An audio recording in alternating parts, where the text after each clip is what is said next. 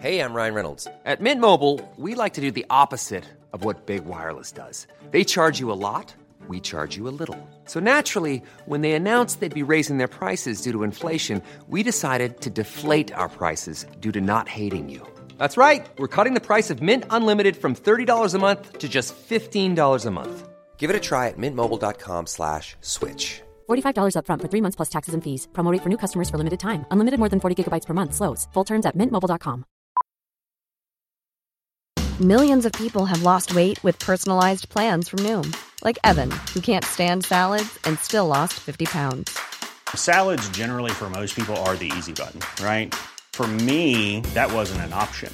I never really was a salad guy. That's just not who I am. But Noom worked for me. Get your personalized plan today at Noom.com. Real Noom user compensated to provide their story. In four weeks, the typical Noom user can expect to lose one to two pounds per week. Individual results may vary.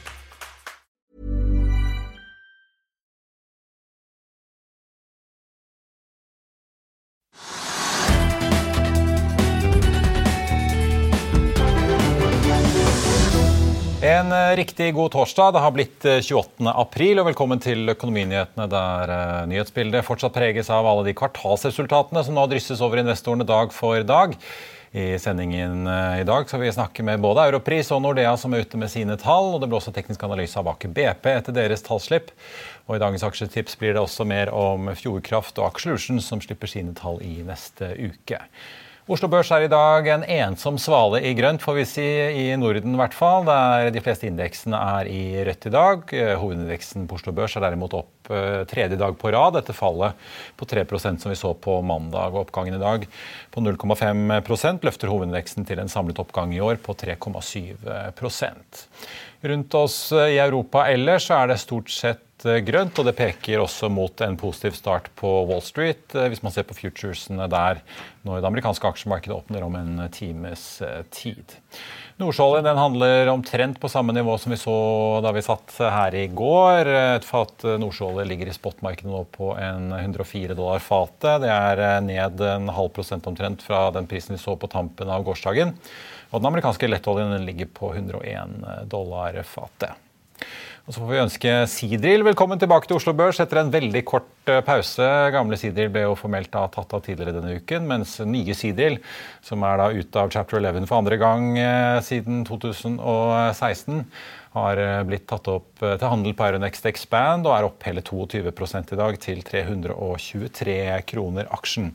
Som jo er en hyggelig liten hilsen til eh, statlige Eksfin, deres koreanske kollegaer og Deutsche Bank, DNB, Nordea, JP Morgan og alle de andre kreditorene som nå har endt opp som aksjonærer i riksselskapet. Aker BP er ute med sine tall i dag. Konsernsjef Carl Jonny Hersvik sier at det er tidenes kvartalsresultat for oljeselskapet, men også at det også er et ekstremt volatilt marked etter at Russland invaderte Ukraina. Det blir ingen ny økning i utbyttene til Aker BP-aksjonærene nå, slik vi så Vår Energi annonsere i går, men så varslet også Aker BP en økning da de annonserte oppkjøpet sitt av Lundins oljevirksomhet like før jul. Hersvik påpeker at utbyttet da ble økt med 14 og at det fremover skal økes med minst 5% i året. Aker BP-aksjen er ned 0,7 i dag. Og når vi først er inne på Aker-systemet, både Acastor og Aker Carbon Capture har også kommet med sine tall i dag. De er begge ned rundt 2% det er gjort et olje- og gassfunn i lettebrønnen Hamlet ved Gjøa-feltet. Det melder både Neptune Energy, som er operatør i lisensen, og Okea, som er børsnotert på Oslo Børs. Okea eier 12% av lisensen, og senere i år skal partnerne bore en brønn til i området kalt Ofelia. Hamlet-funnet anslås til å ligge på mellom 30 og 70 millioner fat oljeekvivalenter, hvorav Neptun foreløpig anslår at man kan hente ut mellom 8 og 24 millioner fat. Gjøa-feltet, som altså ligger rett i nærheten av funnet, er jo blitt en stor hub i regionen, med både satellittfeltene Duva og Gjøa P1, som Neptun er operatør for, samt Vega og Nova, som styres av tyske Wintershall DA. Neptun eh, meldte for øvrig tidligere i april at de og partnerne i dialog med norske myndigheter har satt i gang tiltak som gjør at de kan doble gassproduksjonen på Duva-feltet nå fra april og utover for å prøve å bøte på den energikrisen vi ser i Europa. og Den gassen sendes til St. Fergus i Storbritannia. Når vi er inne på olje- og gasselskaper, så ble det kjent i dag at franske Totalt har et tap på 4,1 milliarder dollar knyttet til virksomheten sin i Russland. Det kom også frem i kvartalsrapporten, og Wintershall DA har også sluppet regnskapet sitt, og de tar nedskrivninger på halvannen milliarder euro for sin virksomhet i Russland. Storbanken DNB er også ute med sin tall. De tjente 9,8 milliarder kroner før skatt i første kvartal, som var langt sterkere enn det analytikerne hadde ventet i forkant. Nyinnkjøpte S-banken derimot tjente noe mindre i sitt siste kvartal som selvstendig bank, før de blir slukt av Kjerstin Bråtens bank i Bjørvika. DNB-aksjen er opp 0,7 i dag. Og så får vi også ta med i da, dette maratonet av kvartalsrapporter at PGS slapp enda et kvartal med negativ kontantstrøm. Seismikkselskapet jobber jo fortsatt videre med å prøve å få til en løsning på gjeldsproblemene sine. Og torsdagens eh, kvartalsrapport har ført til et kursfall på rundt 4% til. Før vi kjører videre, så vil jeg bare minne om at hvis ikke du rekker å se denne sendingen, så kan du også høre den ved å søke opp Økonominyhetene på Spotify, Apple Podkast eller ved å gå inn på fino-podkast. Jon Fredriksen dominerte inkassoselskapet Axactor har snudd eh, underskudd til overskudd etter et tap i kvartalet før, og belønnes med en kursoppgang på 4 i dag. Nordic Semiconductor stiger nesten 6% på sin kvartalsrapport, og de preges fortsatt av forsyningsproblemer, men oppnådde likevel både topp i resultat og omsetning i første kvartal. Og selskapet understreker at etterspørselen er mye høyere enn det de faktisk klarer å levere, som analytikerstanden syns er positivt. Og hvis du trodde Jon Fredriksen var fornøyd etter å ha lansert fusjonen av Frontline og Euronav i tankmarkedet, så må du tro om igjen. Han har nemlig kjøpt eh, seg opp til en eierandel på 16,2% av tankrederiet International Seaways i New York. Og mer om det kan du lese på fa.no. Altmuligkjeden Europris er ute med sine tall i dag, og markedet var ikke spesielt begeistret. Aksjen er ned 6,5% så langt i dag, og vi var innom prestasjonen litt tidligere for å snakke med både Europris-sjefen og en analytiker om hvorfor salget falt, hvilken effekt gjenåpningen av svenskehandelen har, og om Kinas nedstengning med koronasmitte kan bremse vareflyten inn til Norge til høsten. Espen Eldal, konsernsjef i Europris. Jeg får uh, først kanskje gratulere med at dere er 30 år i år og kjører kampanjer. og Jeg vet ikke om du klarer å nå 10 milliarder i omsetning i år, som er den neste store milepælen? Nei, Vi er nok eh, ikke opptatt av å nå 10 milliarder i jubileumsåret. Vi er mer fornøyd med at vi har blitt 30 år og hatt suksess hvert eneste år og, og vekst. Så, så, det er vi stolte av, og det skal vi fortsette med. 10 milliarderen det, det er ikke noe viktig mål for oss. Vi er uh, vel så opptatt av båndlinjen i Europris. Vi må snakke litt om den perioden eh, vi har lagt eh, bak oss. Ikke bare kvartalet, men egentlig pandemien. Dere har jo opplevd en voldsom oppsving i eh, omsetningen når grensene ble stengt. og Folk dro til Europris i stedet for å dra til Nordbysenteret, litt tabloid sagt. Nå melder dere om en omsetning på 1,7 milliarder, bitte litt ned samlet sett. Men ser man justert for oppkjøp, så er den jo ned 5,5% Er dette Nordby-effekten og Svinesund-effekten, altså at grensene er åpnet igjen? Er helt klart at Europris har nytt godt av eh, de tiltakene som var under nedstenging. Når man stengte grensene og folk måtte være mer hjemme, så er det naturlig at da kjøpte man mer i Norge og man forbrukte mer forbruksartikler hjemme når man ikke kunne dra på restauranter og bo på hoteller og reise på ferie. Så klart Mange av de tingene de er jo ikke varige, og det ønsker jo ikke vi heller. Vi ønsker oss et gjenåpna samfunn, og vi ser jo at nå er det på vei tilbake. Og det vil naturlig nok stå ut litt på salget til Europris. Men så, så er det liksom X-faktoren. Liksom, hva har vi gjort riktig da, i løpet av de siste åra? Vi tror at vi har gjort uh, mye riktig. Jobba bra med kategorioppdateringer, bygd en kundeklubb og, og, fått mange nye kunder. Så gjelder det for oss å, ta godt vare på de og sørge for at de er fornøyde og fortsetter å handle på europris. Men det er klart at forbrukeren skal få lov til å dra på harryhandel. Vi er glad i lave priser, og det skjønner vi at kundene også er. Så det, det må de få lov til. Men Er det sånn at dere forventer at uh, dette blir den nye normalen, altså den lille tilbakegangen vi så nå i første kvartal, at dere nå har funnet uh, det nivået dere kan vente å ligge på med åpne grenser? Jeg tror det fortsatt er litt tidlig å si. Eh, det er fortsatt liksom ikke helt liksom tatt tilbake dette med, med, trafikken over grensa. og uh, Nå i år så ser vi at flyreiser er ganske dyrt, så feriereiser blir dyrt. Kanskje mange velger å bli hjemme i år. Så vi får se hvordan ting utvikler seg litt over tid. Jeg tror normaliseringa vil gå over en periode. Men jeg tror vi er godt rigga. Jeg tror vi har gjort mye rett, og at vi har fått en del nye kunder. Men dette er opp til oss da, å levere på, så det er bare å stå på. Eh, netthandelen utgjør jo en drøye 6% av totalomsetningen eh, deres nå. Eh, vi har sett noen tall fra både bransjetall generelt for retail og noen selskaper som har meldt om en nedgang i første kvartal. Antageligvis fordi folk begynner å dra tilbake til fysiske butikker igjen. Hvordan ser dere på netthandelen når vi snakker handlemønstre fremover? Jeg tror netteierne er helt naturlig møte litt tøffe sammenlignbare tall nå, etter å ha hatt liksom en helt eh, formidabel vekst de to siste åra.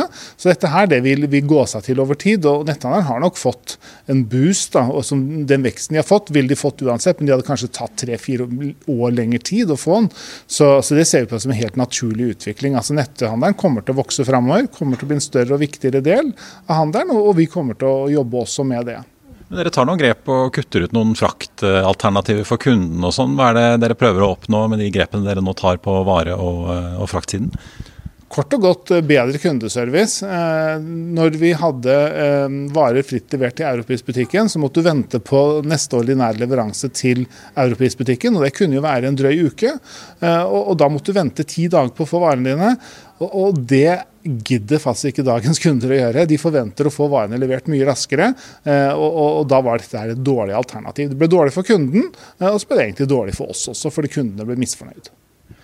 Til slutt må jeg høre litt om eh, logistikken, ikke til kunden, men inn til dere. Du snakket jo her om at dere har fått inn årets sommervarer, men at dere følger veldig med på leveranser nå utover høsten. Vi har jo sett at det er en full nedstenging i Shanghai bl.a., og dere har jo et salgskontor i Kina med 30 mennesker.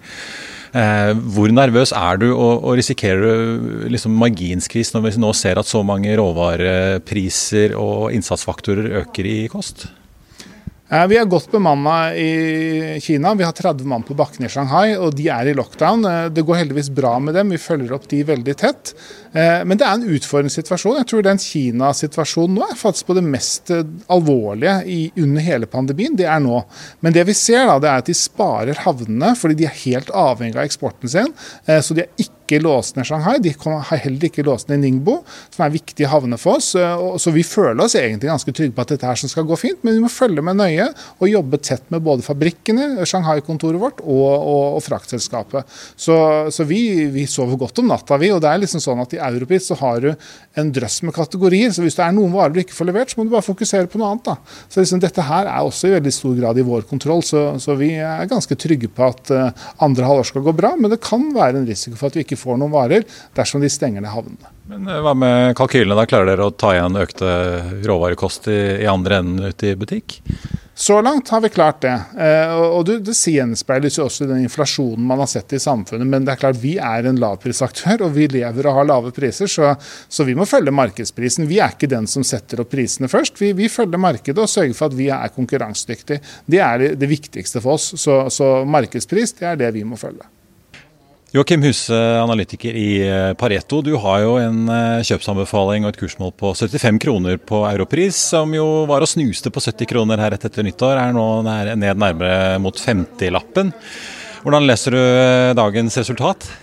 Ja, Vi syns jo egentlig de, de, leverer ganske godt. Vi ser jo at altså Vi har jo ventet på en ny fraktavtale for, for 2022, som helt klart blir mindre gunstig enn Eh, enn den de hadde i, i 2021. Og den får jo nå effekt fra, fra mars og utover. Eh, så derfor har vi fått en, eh, fortsatt en ganske god margin nå i, i Q1.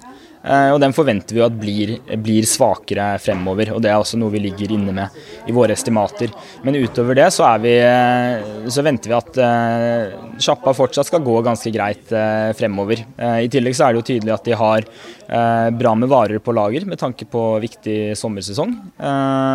og overvåker jo selvfølgelig da fraktsituasjonen med tanke på, på Kina og, og nye, nye, forstyrrelser der. Så, så, det virker som de har, har grei kontroll på situasjonen. Ja, Det ble jo du spurt om eh, her i dag. Nå sier de de har fått inn varene til sommeren, eh, i hvert fall. Men det er jo også mye inflasjon, økte lønninger, økte priser på varer og ikke minst av frakt, som du var innom. Hvor god er europris på å hente dette ut eh, i markedet? Klarer de det å ta igjen ved å skru opp prisen ut til kundene?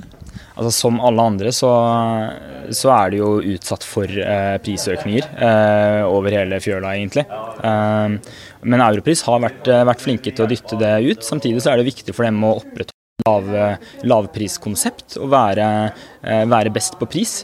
Så der vil det jo bli en, en avveiing. Og det er jo kun framtiden som vil vise, vise hvordan dette ender opp, selvfølgelig.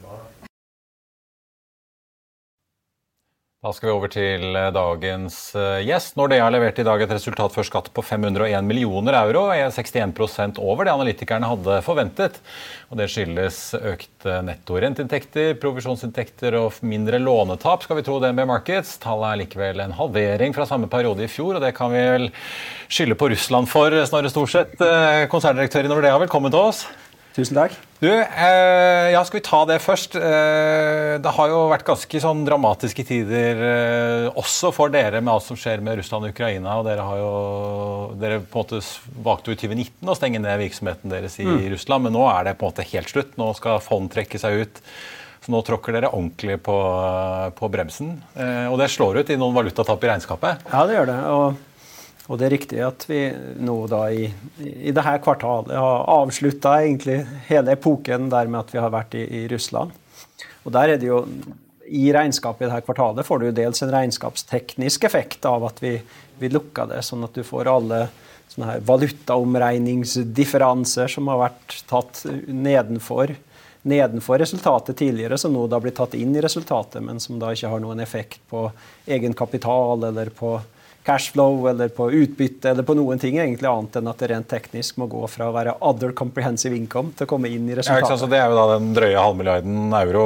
Så hvis man justerer for det, så er det jo egentlig ganske stabilt. Ja. Eh, for dere har jo lite lånetap i Norden, men eh, dere tar jo da 76 millioner euro eh, i tapsavsetninger knyttet opp til eksponeringer mot Russland. Helt riktig. Fortell litt hvordan denne, disse sanksjonene og alt dette treffer dere egentlig sånn nå konkret faktisk på bakken, hvis vi glemmer det regnskapstekniske litt? Grann, da. Ja. Og, og det, vi, har, vi har jo veldig få kunder nå som har direkte eksponering mot Russland.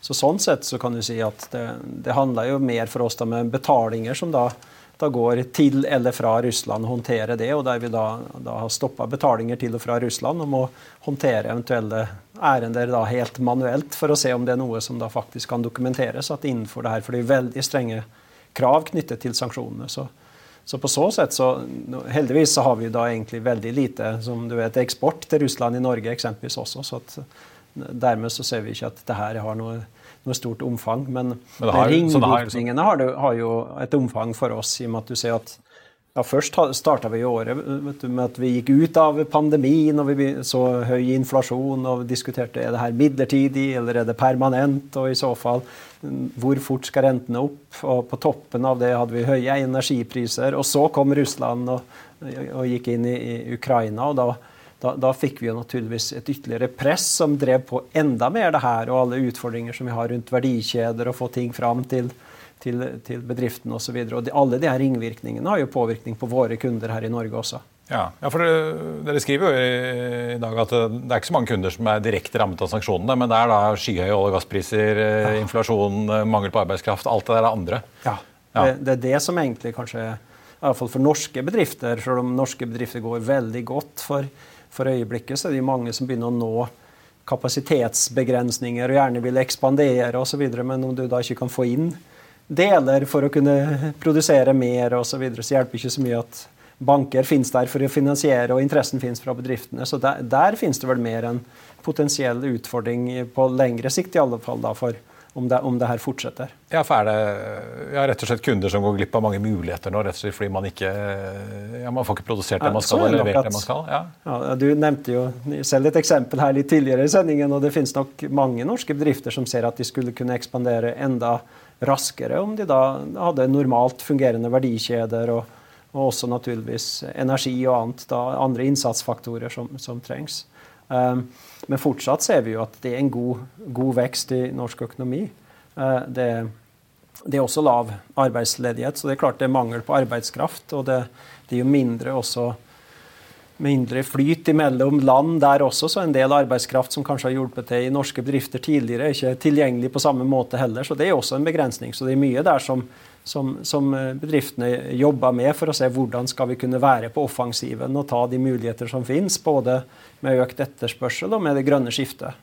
Og de er jo flinke, så de, de lykkes jo, men det, det, er jo ikke en enkel jobb for dem. det er helt klart. For, for, Dere er jo et nordisk konsern, så dere har jo fingeren på pulsen virkelig rundt i alle, alle land i regionen. Her i Norge så har vi jo sett ikke bare olje- og gassbransjen, men også aluminiumsprisen er jo skyhøye, lakseprisen er skyhøye. Alt virker det som er eh, skyhøye priser på. Det skuffer jo mange bedrifter inn på eh, i stort monn om dagen. Ja. Ser vi aksjemarkedet, så har jo Sverige og Finland ligget godt bak også Danmark. ikke bare knyttet selvfølgelig mot Russland, men også en del sånn teknologieksponering. Mm. Men når dere i Nordea ser, det, hvordan ligger vi i Norge liksom bedre an økonomisk nå aktivitetsmessig enn det Sverige og Finland gjør, eller hvordan leser dere det? Eh, du kan si at hele Norden ligger BNP i alle de nordiske land er jo godt over det det var før korona. Så det vi har sett er at det har vært en rask innhenting. I Norge var det jo den raskeste gjeninnhentingen noensinne, også den kraftigste. Så, og, men det har vi også sett i de øvrige nordiske land. Så det er ikke så, så ekstreme forskjeller der. Eh, men derimot så er det jo forskjeller eksempelvis med at Finland blir jo naturligvis mer direkte ramma av, av Russland-Ukraina-situasjonen. da. Mm.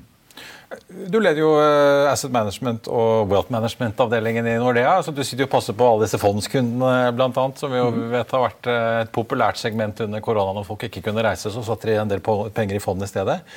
Eh, hvordan ser egentlig den utviklingen ut nå? Nå er jo forvaltningskapitalen deres eh, på konsernnivå ned en, en 5 eh, Antar er drevet av det fallet vi har sett i markedet liksom generelt. Ja.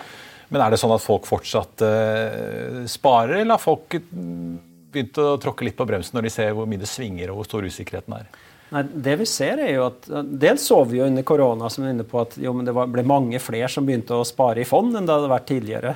Så det økte jo, om du ser på hele befolkningen, med ca. 10 prosentenheter bare på de her to åra. Og vi ser iallfall hos våre kunder at det fortsetter. Om vi ser hos eh, husholdningskundene hos oss, så ser vi at ca. 1,5 prosentenhet flere sparer i fond nå med utgangen av kvartalet enn de gjorde ved starten av året. Og vi ser at det er 18% flere av nye kunder som kommer inn som velger å starte fond hos oss også enn det var tidligere. Så det, det virker som det er noe som holder i seg. Og vi ser jo også da at vi har nettotegning i våre fond i kvartalet. Så der er det jo veldig forskjellig fra Q1 2020, der vi da så ganske store nettouttak fra våre fond. Så jeg tror det her med å spare mer jevnt og trutt, som, som vi har snakka om veldig mye, at jo, men det er en klok strategi. Det, ja. ja, det, det, ser vi begynner å feste seg i Norge også, som, som, er hyggelig. For der har vi jo faktisk vært om du kan si, litt etter våre naboland, da, som, da, der du har hatt en mye større andel av befolkningen som har spart i fond og hatt mer, en mer diversifisert portefølje av, av, av, aktiva enn det som vi typisk har hatt i Norge historisk. La oss snakke litt om, om konkurransen etter sparemarkedet. I hvert fall I Norge så har vi jo aktører som Nordnett og Kron som er på en måte litt utfordrere. Vi har store etablerte aktører som dere. Mm. Og Nå blir jo da en av aktørene S-banken slukt av DNB. og nettopp eh, Sparemarkedet og fondsmarkedet var jo noe det Konkurransetilsynet var opptatt av eh, før de tapte i Konkurranseklagenemnda til slutt. Eh, hvordan leser dere det som skjer? Forventer dere at eh, det kommer uh, nye skudd fra Bjørvika mot dere og andre i fondsmarkedet nå fremover, eller? Jeg tror nå, nå har vi, vi, har jo tidligere gjort et kjøp av Nordea Direct, eh, som vi kaller det, men det som var gjensidig bank en gang i tida sjøl også, som da tilførte oss en del digital kompetanse. og det er kanskje litt det som man får se om det, det da kommer i Bjørvika. i alle fall, Så ser jeg Kjersti er inne på, Kjerstin er inne på det i dag når hun kommenterer tallene også. Men, men, men, det som er klart, er jo at det her er jo en, det er jo en veldig tøff konkurranse. Du må være flinke både digitalt og og da i rådgivningen, om du, om du, tilbyr det også, for å kunne lykkes. Og den, den, konkurransen er jo tøff. Og vi investerer jo, det snakka vi om på vår kapitalmarkedsdag også, at vi kommer til å investere enda mer i digitale løsninger fremover enn det vi har gjort, for å da kunne, kunne ikke bare konkurrere med, med, visse av de her digitale utfordrerne, som vi kaller de, men, men faktisk også å leve opp til de forventninger som kundene har på oss. Men regner dere med at det, at det kan komme inn noen nye aktører? Det er jo stadig på en måte endringer, særlig fra EUs side, for å prøve å forenkle rammeverk og på en måte frigjøre eller løse opp i en del sånn teknologiske hindre. Men, men ja. forventer dere at det kan komme inn noen nye aktører i fonds- og sparemarkedet, eller er det mest at dere kriger mot eh, de aktørene som er der i dag? Vi kriger jo først og fremst mot de som er der i dag. Det vi har sett, er jo mer i wealth management eller private banking-markedet. Der har vi sett litt, iallfall delvis nye aktører som har kommet inn, og det er mer også private equity-finansierte aktører som har kommet inn med en relativt aggressiv vekstambisjon også. I, i det brede markedet mot husholdningene så er nok, er nok litt tyngre, for det er iallfall en veldig mye større oppgave å bygge opp et vare, eller en merkevare som, som, eh, som, da kommer til å kunne fungere og gi den trygghet og tillit du trenger for å lykkes. Til slutt tenkte jeg vi må, vi må snakke litt om hvordan det går i uh, Norge. Uh, det var ikke så veldig mye fart i, i utlån på privatsiden uh, i første Nei. kvartal, som dere mener skyldes boligmarkedet? Mm. Ja, for det, altså, Først var det jo sånn at det var en fantastisk fart i bedriftsmarkedet, så det er jo hyggelig. Vi har liksom 10 vekst over det siste året og 6,8% i analysert veksttakt i første kvartal. Så det var jo det var riktig bra. Så bedriftene låner som bare det? Ja. De låner som bare det. Men så om du da så på privatmarkedet, så, så hadde vi jo da 4% siste år, og analysert første kvartal var jo bare litt over 1% 1,2 eh, Og det skyldes jo faktisk først og fremst at eh, det, det var veldig lite til salgs i boligmarkedet. Så det mange, Vi så at det var mange som ville ha finansieringsbevis, men det var veldig vanskelig å få brukt de her fordi det var så lite å kjøpe. Det var faktisk 14% mindre å kjøpe enn det var i samme tid i fjor. Eh, så det påvirka jo prisen oppover. Men, men, det vi ser nå, er jo at det er mye mer objekt på vei ut. Og da kommer det jo til å normalisere seg. Så, så vi tror jo at i Q2 og Q3 så kommer det å se mer normalt ut. Derimot så kommer jo naturligvis renteutviklingen å påvirke det her sammen med, med lønnsutviklingen. Vi ser jo at folk sannsynligvis får en viss økning i kjøpekraft i år, i og med at det er et ganske kraftig lønnsoppgjør. Men, men, det gjør kanskje at det balanserer sånn akkurat det som vi også da ser på effekten av renteøkninger. Kort til slutt, gitt at, at, bedriftene da tydeligvis har en kjempeappetitt på å vokse. De kunne jo kanskje vokst enda mer, eh, litt som vi snakket om før. men er det noen segmenter som bekymrer i det hele tatt? Er det noen bransjer hvor det ser litt mer urolig ut? Eh, hvor dere er bekymret for potensielle låntap, eller? Nei, altså vi, vi, har gjort visse beslutninger rundt hvor vi, hvor vi satser og ikke satser. Altså eksempelvis har vi gjort exit på offshore. Uh, Rigg og supply er ikke det hot om dagen? Det er kanskje ikke så mye at det bekymrer oss. Det, det er vel dels, dels knytta til eh, bærekraftsambisjoner osv. Og, så videre, og dels knytta til at vi har tapt penger der historisk, mer enn hva, hva som kommer til å skje fremover.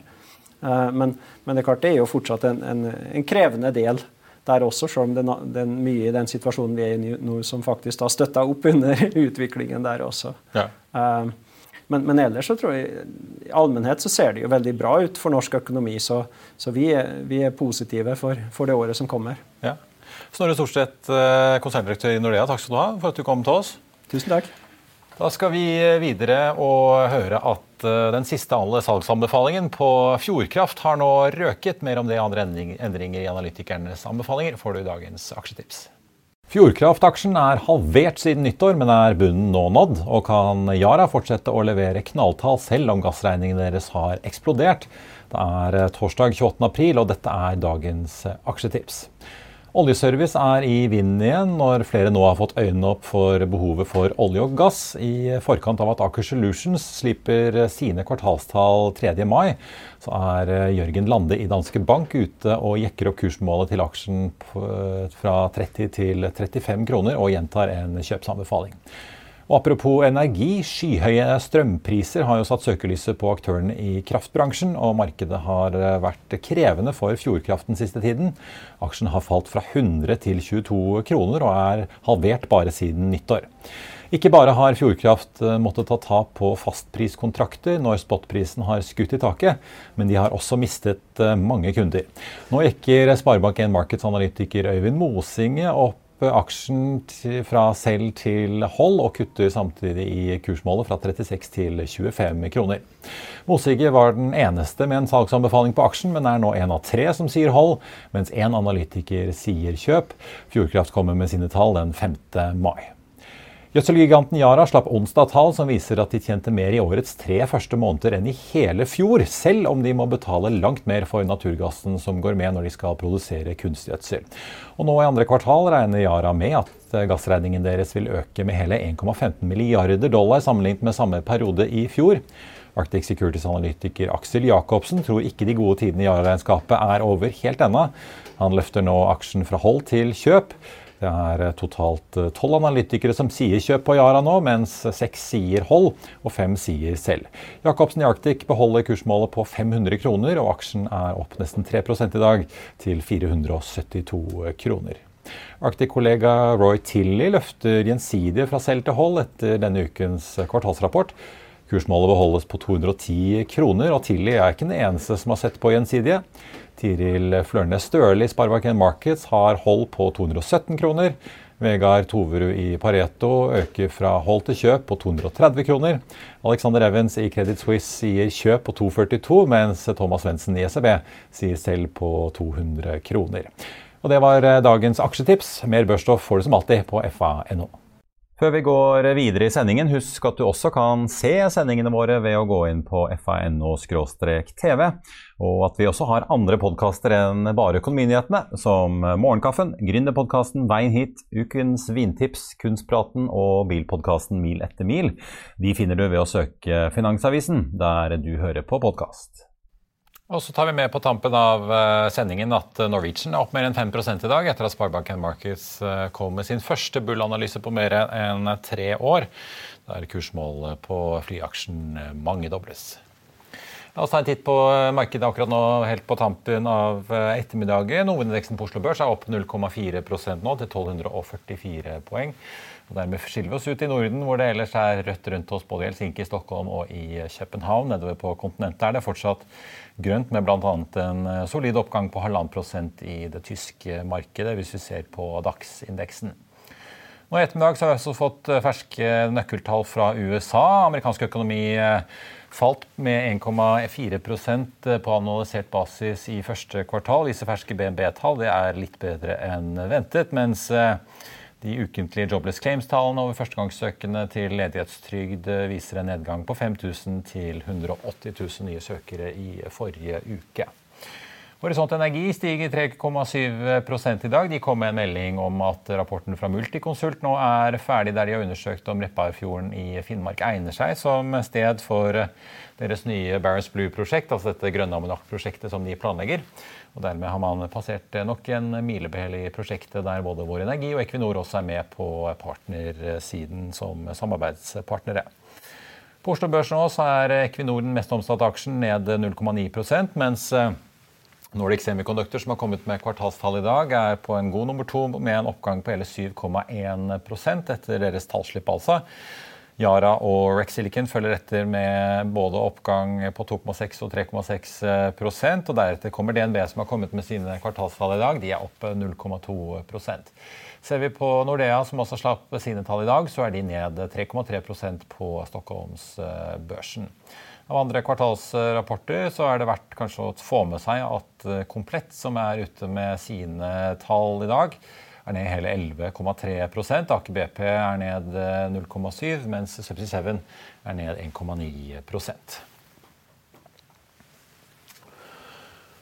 I Finansavisen i morgen så er det bare å holde seg fast, for Trygve skriver om Senterpartiet, en hyttetur og en viss SMS.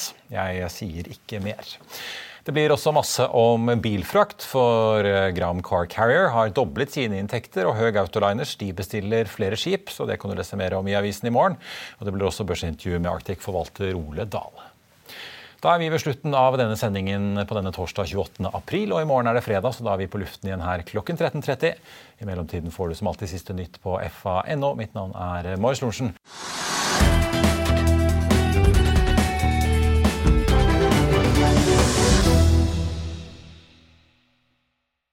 Økonominyhetene er en podkast fra Finansavisen. Programledere er Marius Lorentzen, Stein Ove Haugen og Benedikte Storm Bamvik. Produsenter er Lars Brenden Skram og Bashar Johar. Og ansvarlig redaktør er Trygve Hegnar.